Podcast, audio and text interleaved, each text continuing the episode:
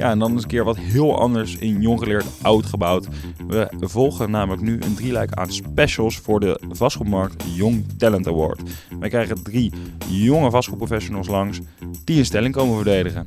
Ja, de finalisten Frank van Kester van Value, Stephanie Proos van Dentons en Rogier Rombouts van Boenus de Gruiter. En we hebben ze eigenlijk één centrale vraag voorgelegd. Hè? Als jij de ja, gekleurde schoenen van Hugo de Jonge aan zou hebben, wat zou jij dan nu concreet doen om de woningmarkt uit het slop te trekken? En we beginnen vandaag met Rogier Rombouts, adjunct directeur Zuid-Nederland bij Boelens de Gruiter. Hey, welkom Rogier. Hoe is het? Heel goed, dankjewel. Leuk om hier te zijn. Ja, top. Hey, uh, we gaan zo meteen de diepte in, maar alvast één eerste vraag. Wat is de belangrijkste maatregel die jij zo meteen bij ons gaat verdedigen? De belangrijkste maatregel die ik ga verdedigen is dat we niet alleen moeten focussen aan de voorzijde, het aanwijzen van locaties. Niet alleen maar de bouw moeten versnellen met flexwoningen, maar juist op die tussenfase, daar kunnen we enorm veel jaren versnellen. Oké, hoeveel jaren gaan we pakken? Even snel. Uh, drie jaar. Drie jaar. Oké, Giet. Kijk.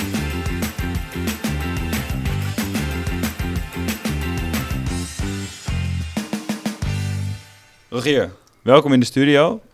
We hebben jou, of tenminste we gaan jou eh, vragen naar de oplossing van uh, het woningtekort. Maar hoe eerst, hoe merk jij dat zelf nu eigenlijk in je werk als uh, adjunct directeur van Zuid-Nederland van Boeders Guiten, geloof ik hè? Ja, dat zeg je helemaal goed. Um, ja, uh, dat is inderdaad de dagelijkse kost eigenlijk. Uh, het kan ook niet snel genoeg vanuit mij. Ik vind wel dat we altijd voor kwaliteit moeten gaan en mooie projecten moeten maken. Um, maar ja, je ziet gewoon dat zowel het piept en het kraakt bij gemeentes lokaal gewoon een beperkt aantal medewerkers die ze kunnen inzetten op uh, woningbouwopgaven. Um, je ziet ook hè, dat het bij het vergunningentraject toch wel langer duurt dan van de voorkant bedacht wordt. Uh, dus er liggen heel veel kansen op die verschillende fases om juist te versnellen. Oké, en zijn de adjunct-directeur van Zuid-Nederland en Mats vergeet af en toe nog wel eens dat er ook buiten de Randstad uh, wat te doen is. Maar zie jij een beetje verschillen? Uh, zie, jij, zie je een beetje verschillen tussen de Randstad en, en daaromheen, tussen deze crisis? Um, de verschillen zijn er zeker. Um, ik, ik moet zeggen dat ik uh, erg fan ben ook van het, het Brabantse zaken doen. Um, want daar komt toch vaak wel, hè, we gaan het samen voor elkaar cheffen. Um, maar je ziet dat dat steeds verder weg hebt. Want hè, er zijn zoveel beleidsregels. De kaders voor hè, lokale bestuurders worden ook steeds strakker. Dus uh, voor hun is de bewegingsruimte ook beperkter. En kijk, wij, wij zijn gespecialiseerd uh, op binnenstedelijke herontwikkeling. Uh, ik word enthousiast van uitdagende binnenstedelijke projecten. Uh, ja, die hebben altijd wat langere aanloop nodig. Maar juist dan heb je lokale bestuurders en mensen uit de omgeving nodig die zeggen: Dit willen wij, we willen hiervoor gaan. En dat, daar ontbreekt het de laatste tijd wel aan. Dat je, je moet zo vaak je verhaal opnieuw vertellen en mensen meenemen in je plannen. Dus dan kom je eigenlijk weer dichter bij uh, wat, wat je in de Randstad uh, gewend was, bijna. Uh, ja, dat gebeurt daar ook zeker. Ja, ja dat is eigenlijk zonde. Hey, en Regier, je hebt dan de, altijd de discussie, hè, terwijl, tenminste het is vaak een tegenstelling. Moeten we nou het weiland in of moeten we binnenstedelijk? Maar binnenstedelijk, dat is nu, dat, daar zijn die processen heel moeilijk. Maar als je nu op het weiland gaat bouwen, ja, je legt nieuwe wegen aan, een snelle internetkabel er naartoe. Je zorgt dat poep en plas wegstroomt en kun je gaan bouwen. Moeten we dat niet doen? Ja, dat klinkt inderdaad veel sneller. Alleen om die plannen heel groot in één keer goed te maken, want die infrastructuur moet dan wel even goed neergelegd worden. En het mooie van binnenstedelijk is dat je vaak kan inprikken op wat er al is in de omgeving. Dus uh, binnenstedelijk zie je soms ook, hè, zeker in de grote steden, ook grote Brabantse steden, zie je gewoon volledige woningbouwprojecten. Daar hoeven dus geen voorzieningen bij te komen, want hè, er is behoefte aan woningbouw. Er zit al een school, er zit al een kinderdagopvang, er zitten al allerlei uh, medische voorzieningen in de omgeving. Um, en ja, in het buitengebied zul je dat echt zelf allemaal moeten aanleggen. En om dat voor elkaar te krijgen met meerdere partijen, uh, ja, dat, dat zorgt gewoon dat je sowieso in de, aan de voorkant uh, al een aantal jaar nodig hebt om een überhaupt goed stedenbouwkundig plan neer te leggen. Ja, en in jouw betoog pleit je eigenlijk ook om um, dus wat trager over te gaan naar die lokale bestuurders. Om het vergunningstraject, of in ieder geval het planmatig uh, traject, wat langer bij de overheid bij het Rijk te houden eigenlijk. Ja. Waarom eigenlijk? Ja, dat is misschien gek hè, dat ik dat wil. Want ja, je bent dan toch bang voor een bepaalde stroperigheid en logheid. Uh, maar er zit een reden achter. Wij doen meerdere projecten in, in het zuiden van Nederland. En um, daar merk ik gewoon dat iedere verschillende gemeente een verschillend intakeproces heeft voor initiatieven. Nou, jullie zijn ook altijd enthousiast als jullie beiden met een ontwikkeling komen. Dus je wil je plan graag neerleggen en een beetje backing krijgen lokaal. En je merkt gewoon dat vooraf wordt gezegd: het duurt vier weken, dan krijg je een reactie op je initiatiefplan. En dat duurt dan vervolgens 13 weken. Nou, het zou heel fijn zijn als daar wat meer generieke intake ontstaat, waar mogelijk iemand meekijkt vanuit het Rijk, hè, die juist dat landelijk belang heeft, van we moeten gaan bouwen, die jou net even dat setje aan het begin kan meegeven van oké, wij hè, vinden het belangrijk dat er woningen bij komen, uh, dat dat goed gebeurt en wij eh, monitoren dat proces. Eh. Maar Rogier, het heeft toch juist heel veel waarde dat we dat lokaal hebben neergelegd? Want wat weet iemand uit Den Haag nou, wat er in Nijmegen, in een of andere wijk in Oost bij moet komen? En juist bij de initiatieffase, dan spreek je af hoeveel woningen, hoeveel duur, hoeveel goedkoop, moet er een supermarkt komen, moet er een kantoor komen? Daarnaast, ja, het is misschien een beetje te plat gezegd, maar een beetje uitwerken. Ik denk dat mensen in, in Nijmegen heel nerveus worden dat iemand uit Den Haag gaat beslissen voor de initiatieffase, ja, we gaan het zo en zo doen. Ja omdat er maar snelheid in moet zitten. Ik, ik bedoel hem ook echt uh, vanuit het idee dat um, ja, lokaal zit er veel meer kennis over wat we lokaal nodig hebben. Maar het landelijk belang, we hebben het over 900.000 woningen de hele tijd. Dat is een landelijk belang. Dat zijn landelijke bewegingen. En dan is het heel belangrijk dat daar ook hè, de nadruk op gelegd wordt. En dat we moeten voorkomen dat we meteen in die initiatieffase alweer in kleine details gaan zitten. Waar we lokaal tegenaan lopen. Zoals? Geef eens een voorbeeld. Uh, nou ja, eh, het ging net over welstand bijvoorbeeld. Uh, ja, er ligt natuurlijk in bepaalde mooie oude historische binnensteden... ligt er wel een heel duidelijke visie op hoe er binnenstedelijk gebouwd wordt. Nou, de ene gemeente zegt het mag nooit hoger dan uh, dat ene markante gebouw in de stad. Hoger dan de Dom bijvoorbeeld? Bijvoorbeeld, ja. ja is in Breda ook, met de grote kerk bijvoorbeeld. Dat is ook wel heel mooi. Zeker, heel mooi. Um, en, en, en, en ja, dat begrijp ik. We moeten met respect voor de omgeving omgaan. Maar we moeten ook wel kijken van hè, waar, zit, uh, waar zit de mogelijkheid om juist echt wel flink toe te voegen en te intensiveren in die binnensteden. Want die kansen zijn er. En we moeten soms even wat ruimer denken om daarna weer op hè, uh, uh, lokale schaal samen het plan af te maken. Maar is dit niet een beetje, sorry Guido, maar een eufemisme voor niet zo moeilijk doen? Gewoon, hup, laat ons gewoon bouwen wat we willen bouwen. Niet zo moeilijk doen met die welstand. Nee, ik ben zeker, ik ben zeker voorstander van het, een goede dialoog. Uh, zeker met welstand. Uh, uh, alleen ik vind het wel heel belangrijk hoe de, hoe de tendens in zo'n gesprek is. En de tendens bij veel welstandsoverleggen of gesprekken met stedenbouw of misschien met de afdeling parkeren, die gaan altijd in eerste instantie in wat, niet, wat allemaal niet goed is in een plan. Uh, terwijl er eigenlijk 80, 90 procent is door professionals uitgewerkt. En misschien zelfs met de beste architect van Nederland. Uh, en er wordt dan toch gezegd, ja, dit moet anders, zus moet anders. Dus is een hele negatieve tendens. En ik zou het heel mooi vinden als er een soort van positiviteitsregel komt. Dat laten we eens beginnen met wat is wel goed. En dan die laatste 20 procent, daar gaan we dan in het tweede deel van het gesprek over door.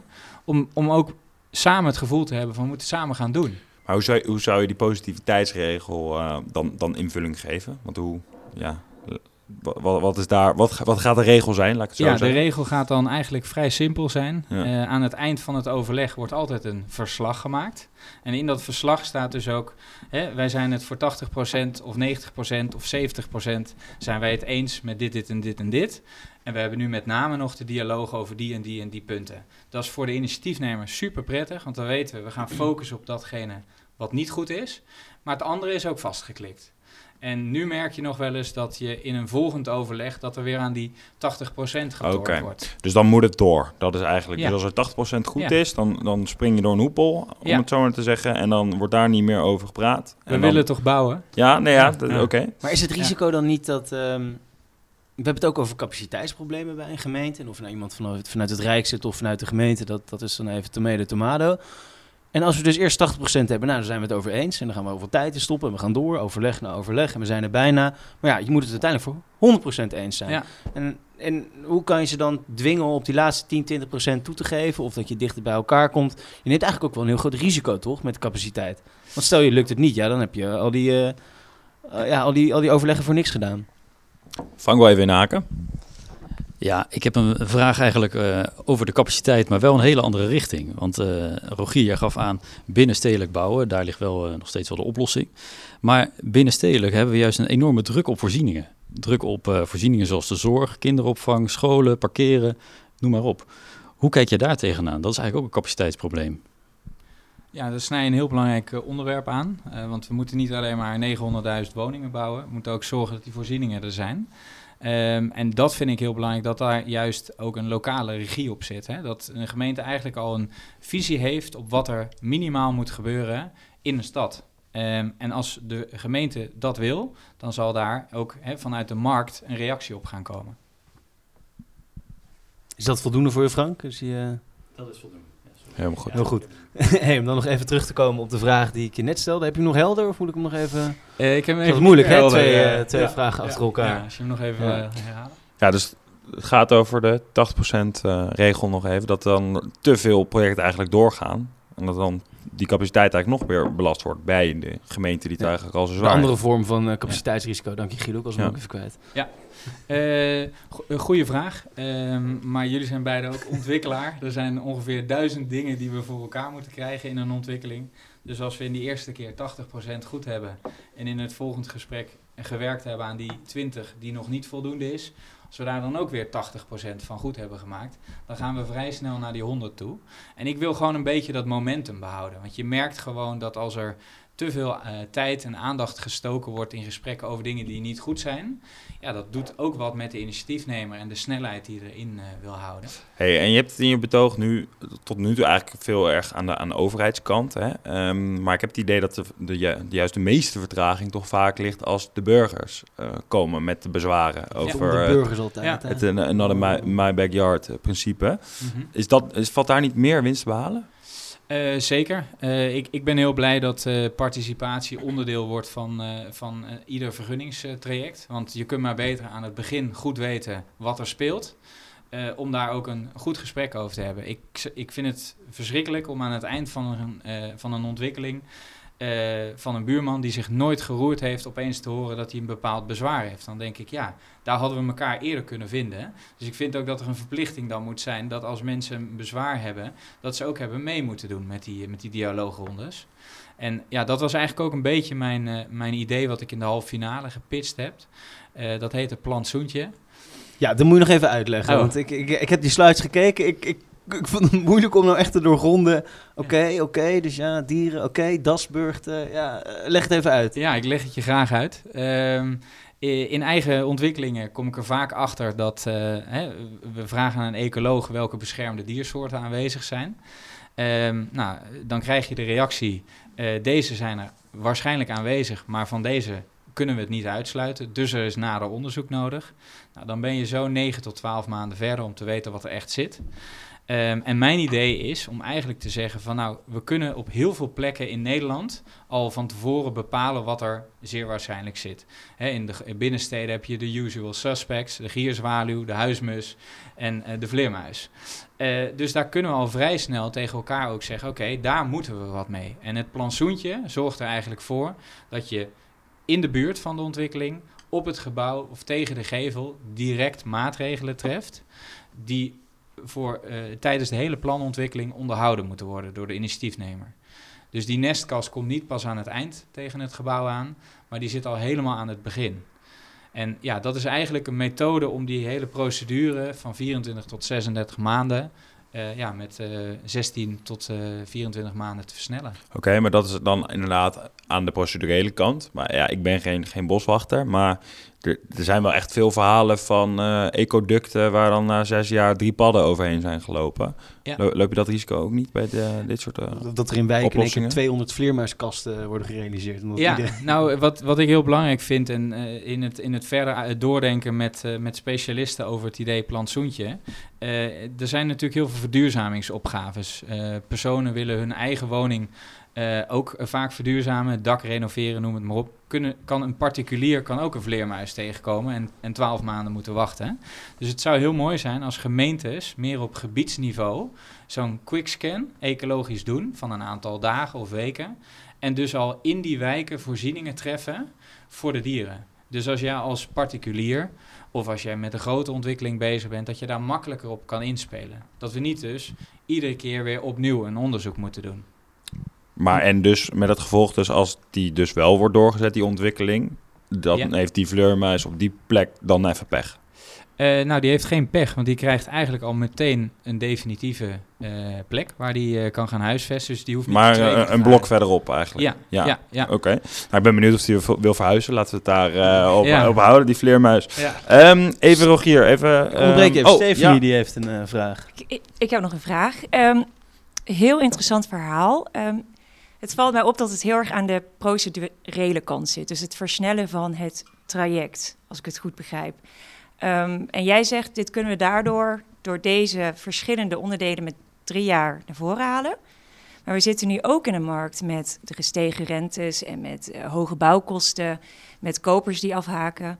Hoe zie jij je plannen in deze markt?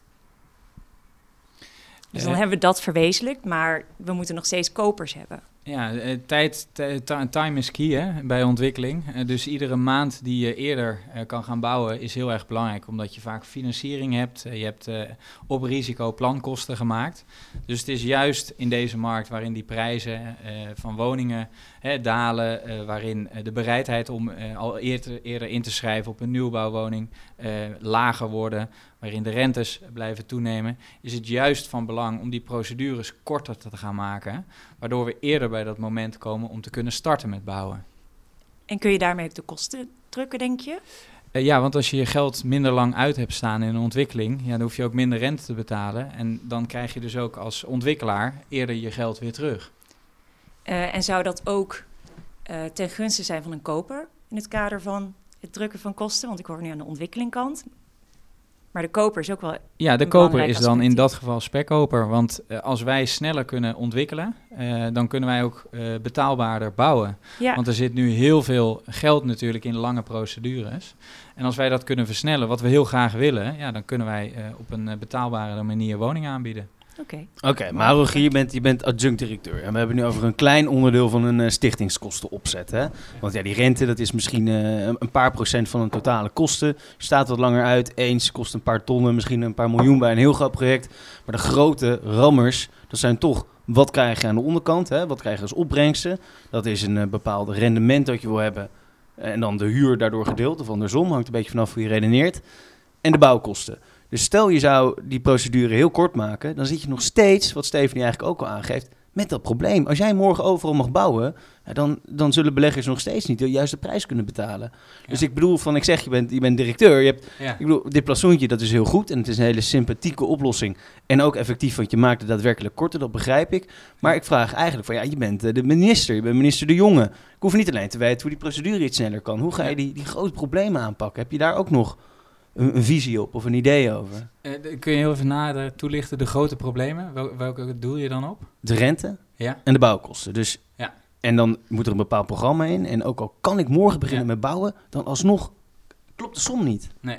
Nee, dat klopt. Op dit moment klopt de som niet. Uh, en dat komt omdat uh, ja, wij nemen aannemers ook vrij vroeg in een proces mee als bouwteampartner. Om zekerheid te hebben dat hij het uiteindelijk gaat bouwen. Maar als daar tussen het moment van aansluiten en het moment van bouwen al drie jaar zit, ja, dan loopt zijn prijs en zijn marge natuurlijk alleen maar op. Van ja, ik moet die kosten ook gedekt hebben van mijn mensen. En ja, wat voor een ontwikkelaar natuurlijk uh, het belangrijkste is, wij, wij stoppen heel veel geld in uh, mooie plannen maken, goede plannen maken, uh, ze ook uh, langs allerlei afdelingen te leggen. Um, en als wij dus dat geld wat wij allemaal op risico in plannen steken, wat we ook in plannen steken die weer herzien moeten worden, want iemand anders vindt er ook weer wat van. Als we dat sneller richting een bouw kunnen krijgen, dan is ons risico kleiner. En dan is het voor ons ook uh, makkelijker om een betaalbare woning aan te bieden. Oké, nou Rogier, uh, nog heel even. Stel jij wordt morgen ontboden bij minister De Jonge. Wat zou dan jouw uh, pitch in drie zinnen zijn om morgen de woningcrisis op te lossen? Nou, ik zou het heel leuk vinden als hij belt. Recent contact ook gehad over het plantsoentje met hem. dus ik zou het mooi vinden als hij daarop terugkomt. Ehm, en mogelijk dat we dan die twee tot drie jaar versnelling kunnen pakken. Oké, dus het pla plantsoentje, dat moet hem echt worden. Ja, het klinkt heel klein, heel kneuterig. Maar dit is een probleem waar iedere ontwikkelaar tegenaan loopt. En als we dit gewoon uh, lokaal met een gemeente gaan oppakken... Ja, dan versnellen we echt serieus gewoon uh, 18 tot 24 maanden. Heel goed. Rogier, dankjewel. Dankjewel. Graag gedaan.